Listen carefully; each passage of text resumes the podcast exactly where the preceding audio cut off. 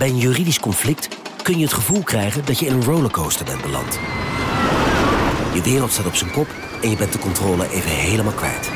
Dan is het fijn als je bent verzekerd bij ARAG. Daar werken topjuristen en advocaten die je begrijpen. Die een stap extra voor je zetten. En je het gevoel van controle teruggeven. Met kennis en informatie, met heldere uitleg en met gericht advies. ARAG, juridisch probleemoplossers. Een maatschappij waarin iedereen meedoet. Een gezonde, groene en rechtvaardige wereld. Daar willen jij en heel veel andere mensen best iets aan bijdragen. In het klein en in het groot. Dicht bij huis en ver weg. Zo hebben we vorig jaar 349 miljoen euro bij elkaar gebracht. Miljoenen waarmee onze goede doelenpartners de wereld elke dag een beetje beter kunnen maken. Nationale Postcode Loterij. Samen voor een betere wereld. Vanaf de redactie van NRC het verhaal van vandaag. Mijn naam is Thomas Ruip.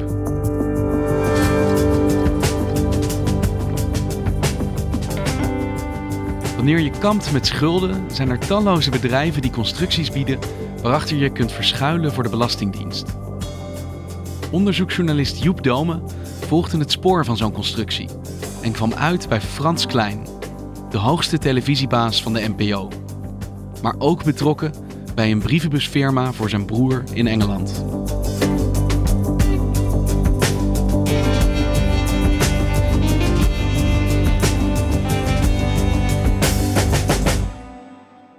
Nou, we hebben in Nederland een heel bijzonder uh, omroepsysteem. Dat eigenlijk nergens in Europa zo is. En vanuit die verzuiling hebben wij uh, allerlei verschillende omroepen die allemaal hun eigen publiek hadden. Joep Dome is onderzoeksjournalist voor NRC. En dat uh, moest veranderen, vond uh, toenmalig staatssecretaris uh, Dekker. En in 2016 heeft hij toen een nieuwe mediawet gemaakt. En in die nieuwe mediawet, daarin kreeg de NPO, de overkoepelende organisatie van de Nederlandse publieke omroep, een grotere macht, een grotere zeggenschap over wie wat wanneer uitzendt op de drie Nederlandse televisienetten en de radiozenders. Dus kort gezegd, minder macht voor de omroepen en meer voor de zenders. Daar komt het op neer. En jij wilde dus een verhaal maken over de macht uh, van die grote bazen bij de NPO. En wie heb je daar dan voor gesproken? Nou, twee belangrijkste mannen zijn Frans Klein. Uh, hij is de directeur televisie. Dus hij is de belangrijkste man, is eigenlijk de uh, machtigste man in Hilversum. Frans Klein. En, Frans Klein, ja. En naast hem zat Gijs van Beuzenkom. Um, Gijs van Beuzenkom is de netmanager van NPO 2. Dus het tweede televisienet wordt door hem bestierd. En hij mag, en dat doet hij dan ook, uh, bepalen uh, uh, wie wat wanneer uitzendt. En Frans Klein, dat is een interessante. Hij is dus de baas van Gijs van Beuzenkom. Maar Frans Klein is ook de baas van Frans Klein. En hoe zit dat nou? Frans Klein is namelijk behalve directeur televisie ook uh, de netmanager van NPO 1. Dus hij uh, gaat over dat eerste net. Uh, en wat besprak je dan met hem? Het ging over het wie bepaalt nou wat jij en ik s'avonds op televisie zien. Dat was de kern. En ik had me van tevoren ingelezen en ik ben ook gaan praten met allerlei mensen. En ik had nogal wat voorbeelden gehoord waaruit bleek dat zij ja, tot op het niveau van de presentator wel bepalen uh, wat wij s'avonds zien. En waarom ben jij je verder in hem gaan verdiepen? Hij is uh, van grote invloed. Hij, uh, hij heeft beheert dus een budget van ongeveer 500 miljoen euro op jaarbasis. En dat zijn belastinggelden. En uh, ja, hij zet die via de netmanagers in om televisieprogramma's te maken. Dus hij gaat over een enorme zak geld. En uh, ja, heeft eigenlijk een grote zeggenschap. We hebben uh, aangekondigd dat we 100 nieuwe titels uh, brengen het komend seizoen. en die zijn zeer divers van inhoud en van vormgeving. Maar in de voorbereiding van dit verhaal, um, ja, hoe doe je dat als onderzoeksjournalist en trouwens als journalist sowieso kijk je naar met wie ga ik eigenlijk praten. Dus je kijkt dus uh, naar eerder verschenen artikelen. Wat zijn dat voor mensen? Uh, wat ik ook altijd doe, ik kijk, uh, nou hebben zij, hoe staat het in het handelsregister? Hè? Hebben zij nog een eigen bedrijf of niet? En mij was al opgevallen dat in publicaties over Frans Klein de televisiedirecteur dus, ehm, gesproken werd eh, over dat hij ook eh, mede-eigenaar was van twee Thaise restaurants in Nederland. Ja, dan ben ik geïnteresseerd. Dus dan ga ik in het handelsregister kijken, kan ik dat terugvinden? En ik vond die Thaise restaurants, één in Almere en één in Amsterdam. En uh, ik keek mede-eigenaar, ja, dat zag ik niet. Ik zag wel dat Frans Klein directeur was en gevolmachtigde, zoals dat heet, bij deze restaurants. En de eigenaar van die restaurants, dat was niet Frans Klein, maar dat was een bedrijf in Engeland. Een limited, zeg maar, een Engelse BV. En die BV heette Bidrio Limited. Ja, en toen was mijn interesse helemaal gewekt natuurlijk, want waarom zit er boven twee restaurants een eigenaar die in Engeland zit? En toen uh, ja, eh, keek ik naar uh, in de stukken van dat handelsregister bij Bidrio Limited op zoek naar de eigenaar van Bidrio Limited. Want dat wil je dan wel weten. En tot mijn grote verbazing bleek dat die eigenaar werd afgeschermd door een trust. En een trust, dat zou misschien bekend zijn, dat is een, een afspraak, een overeenkomst, uh, waarbij uh, trustees, beheerders, uh, de aandelen houden voor de achterliggende eigenaren. Dus dat is een zaak die wel interessant is. En wat het nog interessanter maakte, was dat deze trust gevestigd was in een belastingparadijs. Dus je kwam erachter dat de machtigste man in Hilversum directeur was van twee Thaise restaurants, van wie onduidelijk was wie nou de eigenaar van die restaurants was. Dus jij dacht, hoe kan dit eigenlijk? Juist.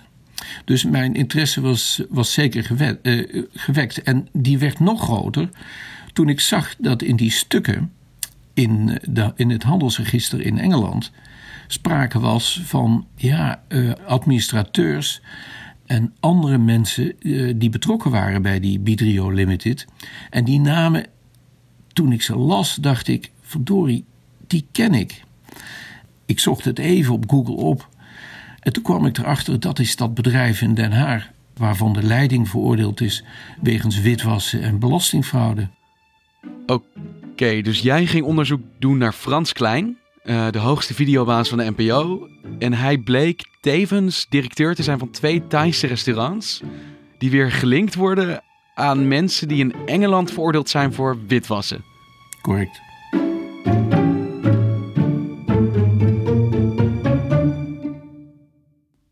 En jij was met je onderzoek naar de NPO bezig. En je zat dus met uh, ja, Frans Klein uh, en Gijs van Beuzenkom, maar ook netmanager in dat kantoor.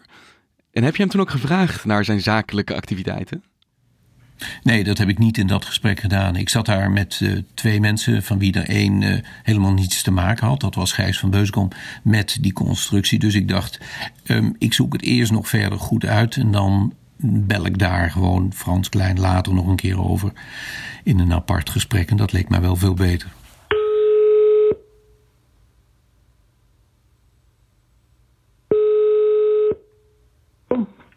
Hallo? Joep, met Frans Klein. Ja, yes. Frans, hallo. Hallo. Frans, um, ik neem dit gesprek op, dan weet je dat. Um, ja. Zoals de vorige gesprekken ook is opgenomen. Um, ik heb de uh, antwoorden. Of Terwijl ik hem dus belde en in dat telefoongesprek uh, uh, aarzelde die. Ik vroeg hem: Ja, maar Frans, waarom heb jij dan. Waar, waarom heb je deze zaak opgezet? En toen zei hij: Ja, ik heb het, ik heb het gedaan voor mijn broertje. Voor mijn broertje Peter. Ja, Peter Klein is de, een jongere broer van Frans Klein... die in zijn leven in de horeca gezeten heeft. En ik trof hem aan uh, in Amsterdam op de Wallen... Ehm, waar hij een Thaise bar exploiteerde gedurende nogal wat jaren... samen met een Thaise vriendin. En dat ging niet zo goed. hij is daar failliet gegaan. vervolgens opnieuw begonnen en nog een keer failliet. En ehm, ja dat was dus ook wel opmerkelijk natuurlijk. Een ondernemer met weinig succes dus eigenlijk.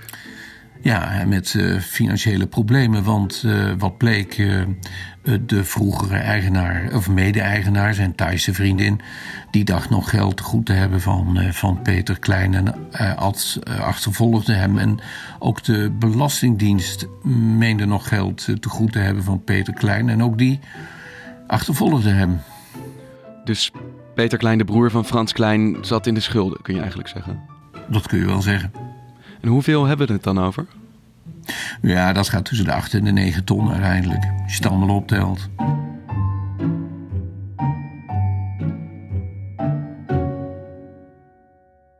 Dus hij werd opgejaagd door schuldeisers en wat deed hij toen? Ja, toen uh, klopte hij aan bij Frans. Klein, zijn broer. En heeft hij hem kunnen helpen? Wat hebben ze gedaan samen? Ze gingen naar een advocatenkantoor. Kwaadvliegen juristen. Um, en uh, dat bedrijf uh, dat uh, leverde dus aan vermogende Nederlanders en MKB'ers dit soort constructies. En dat had ehm, vaak tot doel om of schuldeisers te snel af te zijn of om gewoon anoniem te blijven. Dus als je wordt achtervolgd door schulden, nou ja, zoals Peter Klein, dan klop je aan bij zo'n bedrijf en dan zorgen zij ervoor dat die schulden niet meer op jou kunnen worden verhaald. Ja, en naar eigen zeggen heeft Kwaadvlieg dus duizenden van dat soort constructies verkocht in Nederland. En jij komt erachter dat die Frans en Peter met dit bedrijf in zee zijn gegaan. Ik neem aan dat je bent gaan vragen uh, waarom. Ja, dat klopt. Ik heb dat Frans Klein gevraagd. Uh, ik heb natuurlijk eerst geprobeerd Peter Klein te spreken. Uh, dat leek mij wel de man uh, die ik moest hebben. Hè? Dat was de man met de schulden. Dat was de man die uh, mede-eigenaar van de constructie was. Dat was de man die de restaurants in Nederland uitbaten. Dus ik heb hem wel, wel tien keer geprobeerd te bellen. En elke keer kreeg ik de voicemail. Ik heb hem allerlei mailtjes gestuurd. En daar antwoordde hij niet op. Um, toen bedacht ik een trucje. En dat trucje is dat ik uh, dacht van, nou weet je, ik ga gewoon met een heel andere vaste telefoonlijn vanuit mijn kantoor in Zuid-Limburg bellen met die man. En dan eens kijken, misschien neemt hij dan wel op. Hallo, Peter? Ja, met Joep uh, Domen spreek je. Hi, NRC Handelsblad. Uh, ik vind het fijn dat ik u even een lijn heb. Ik zou u iets willen vragen over de Tycoon-restaurants en de constructie in Engeland. Ja, maar daar heeft u al over geschreven, dus daar ga ik niet meer over antwoorden. Ja, maar we komen met een nieuw verhaal en dat staat eind deze week in de krant. Peter Klein wilde je dus niet te woord staan, uh, maar Frans Klein wel. Wat zei hij hier dan over? Ja, Frans Klein vertelde dat hij uh, bevestigde dat ze deze constructie uh, opgezet hadden. Dat dat ook via kwaadvliegjuristen gegaan was. Maar dat hij en ook zijn broer niet wisten dat er van alles aan de hand was met kwaadvliegjuristen. En uiteindelijk heb je dus alles op een rijtje gezet. Je hebt die constructie uitgeplozen uh, en je hebt gepubliceerd daarover. Ja. En hoe werd er gereageerd op die publicatie? Hilversum bleef, uh, bleef eigenlijk stil. De NOS heeft daar een bericht uh, aan gewijd. Uh, maar ja, verder, verder was er eigenlijk uh, een grote mate van stilzwijgen. Uh, de raad van bestuur, dat is dus van de NPO, de baas van Frans Klein, die liet wel weten achter Frans Klein te staan en gereden te hebben om te twijfelen aan, aan hem. Ehm, overigens, en dat is toch wel van belang, in 2016 was Frans Klein vertrokken als directeur van die Engelse Limited. En had hij dus niets meer van doen met dat bedrijf en was hij ook geen mede-eigenaar meer van die restaurants. Dus het ging om activiteiten uit het verleden, niet om de huidige situatie? Ja, en dat is belangrijk om, om te weten. In die zin uh, dacht ik, oké, okay, nou, dan zijn we klaar. Volgende project. Maar uh, dat bleek niet zo te zijn. Ik uh, keek toch nog eens in dat uh, Engelse handelsregister en daar viel mij iets op. In 2016 bleek dat die trust, die dus de eigenaar van Video Limited afschermde, ja, de aandelen had doorverkocht aan een ander bedrijf. Ja, en dat was natuurlijk vreemd. Dat was me aanvankelijk niet opgevallen, maar die trust, die, die was er dus eigenlijk helemaal niet meer. Dat, bedoel je, die was er niet meer? Hoe moet ik dat zien? Ja, nou, dus ik kijk verder en ik zie dat die trust in, op 1 januari 2016 die aandelen van Bidrio verkocht had aan een andere brievenbusfirma in Engeland. En achter die brievenbusfirma ging een medewerker van kwaadvliegjuristen schuil. Dat was een Servische meneer. Dus toen, toen dacht ik, wat krijgen we hier nu? Die, die restaurants in Nederland, uh, die zijn dus eigenlijk van een Servische meneer, als ik het wel heb. Dus de restaurants van Peter Klein zijn niet van Peter Klein, maar van een Serf. Dat was de conclusie, ja. En ja, wat doe je dan? Dan ga je denken van, nou, daar moet een logische verklaring voor zijn. Nou, die bleek er dus te zijn. Na wat zoeken en overleg en wat mensen bellen, kwam ik erachter dat in Engeland de wet veranderd is. Uh, de wet uh, werd op 6 april 2016 veranderd. En die wet, dat was een anti-witwaswet. En die wet hield in dat voortaan alle bedrijven in het Engelse handelsregister moesten vertellen wie de eigenaar is. En dat werd uh, een probleem uh, voor deze constructie in de gebroeders Klein. Want die trust die ging niet meer afdekken wie de eigenaar was. Dus die nieuwe wet was eigenlijk bedoeld precies om dit soort constructies te voorkomen of bloot te leggen. Ja, en, uh, en dat was dus de aanleiding om voor een nieuwe constructie te kiezen. Weer een constructie. Juist. En die constructie is opgezet op 1 januari 2016. Toen zijn die aandelen op papier overgedragen aan een Servische meneer. Die uh, medewerker was van dat kantoor in Den Haag. En um, daarmee ja, was het probleem opgelost. De vraag die zich natuurlijk aandient is: is deze meneer nu werkelijk de eigenaar van die twee restaurants? Of zit er toch nog iemand achter en zit er nog een afspraak achter? Uiteindelijk is deze hele constructie dus bedoeld om te verbergen wie de echte eigenaar is van die restaurants. En dat was aanvankelijk lukte dat en toen veranderde de wet en dan zou alsnog duidelijk worden dus dat Peter en zijn broer uh, Frans eigenaar waren. En toen hebben ze snel een Servier eigenaar gemaakt. Ja, en hoe kwam ik daarachter? Met hulp van een collega uh, van de krant, die uh, heel goed is met datasets en zo, hebben we dat hele handelsregister doorgeneust. Toen kwamen we erachter dat deze Servische meneer op hetzelfde moment voor 181 andere limited de aandelen overnam. Dus er is één Servische man die van 181 andere bedrijven eigenaar is. Maar dat zijn allemaal bedrijven waar hij eigenlijk niet echt iets mee te maken heeft. Hij is alleen een papiereigenaar. Op papiereigenaar.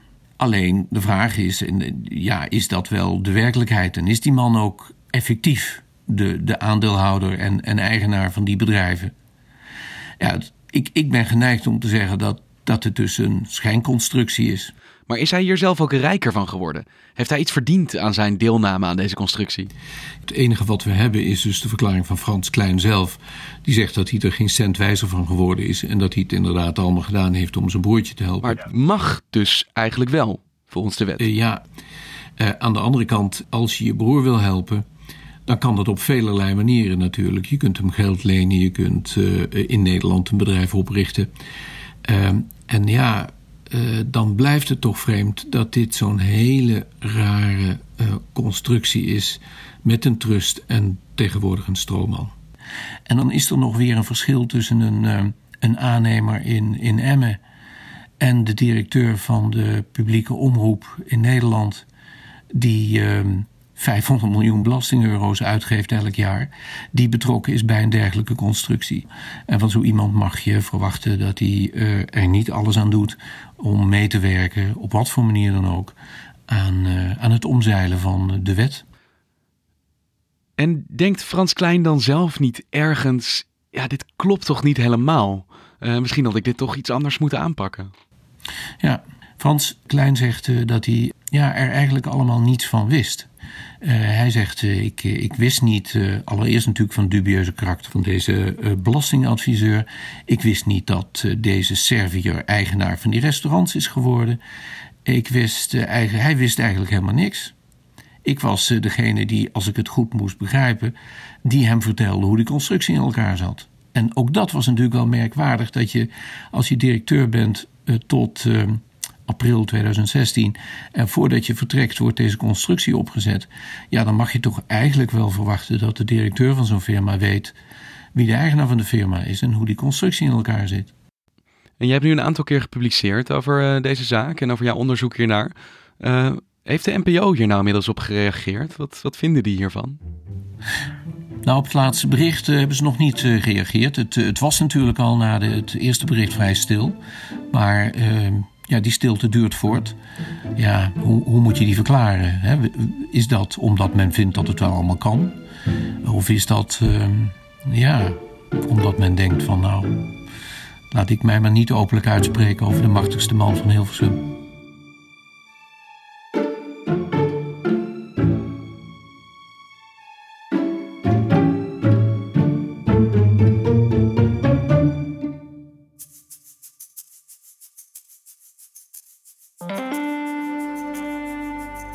Je luisterde naar vandaag, een podcast van NRC. Eén verhaal, elke dag. Nou ja, normaal gesproken dan. Vanwege het hemelvaartsweekend zijn we er maandag pas weer. Maar abonneer je vooral op ons, zodat we altijd als eerste in je app verschijnen. En je eerdere verhalen ook nog eens een keertje terug kunt luisteren. Dit was vandaag, maandag weer.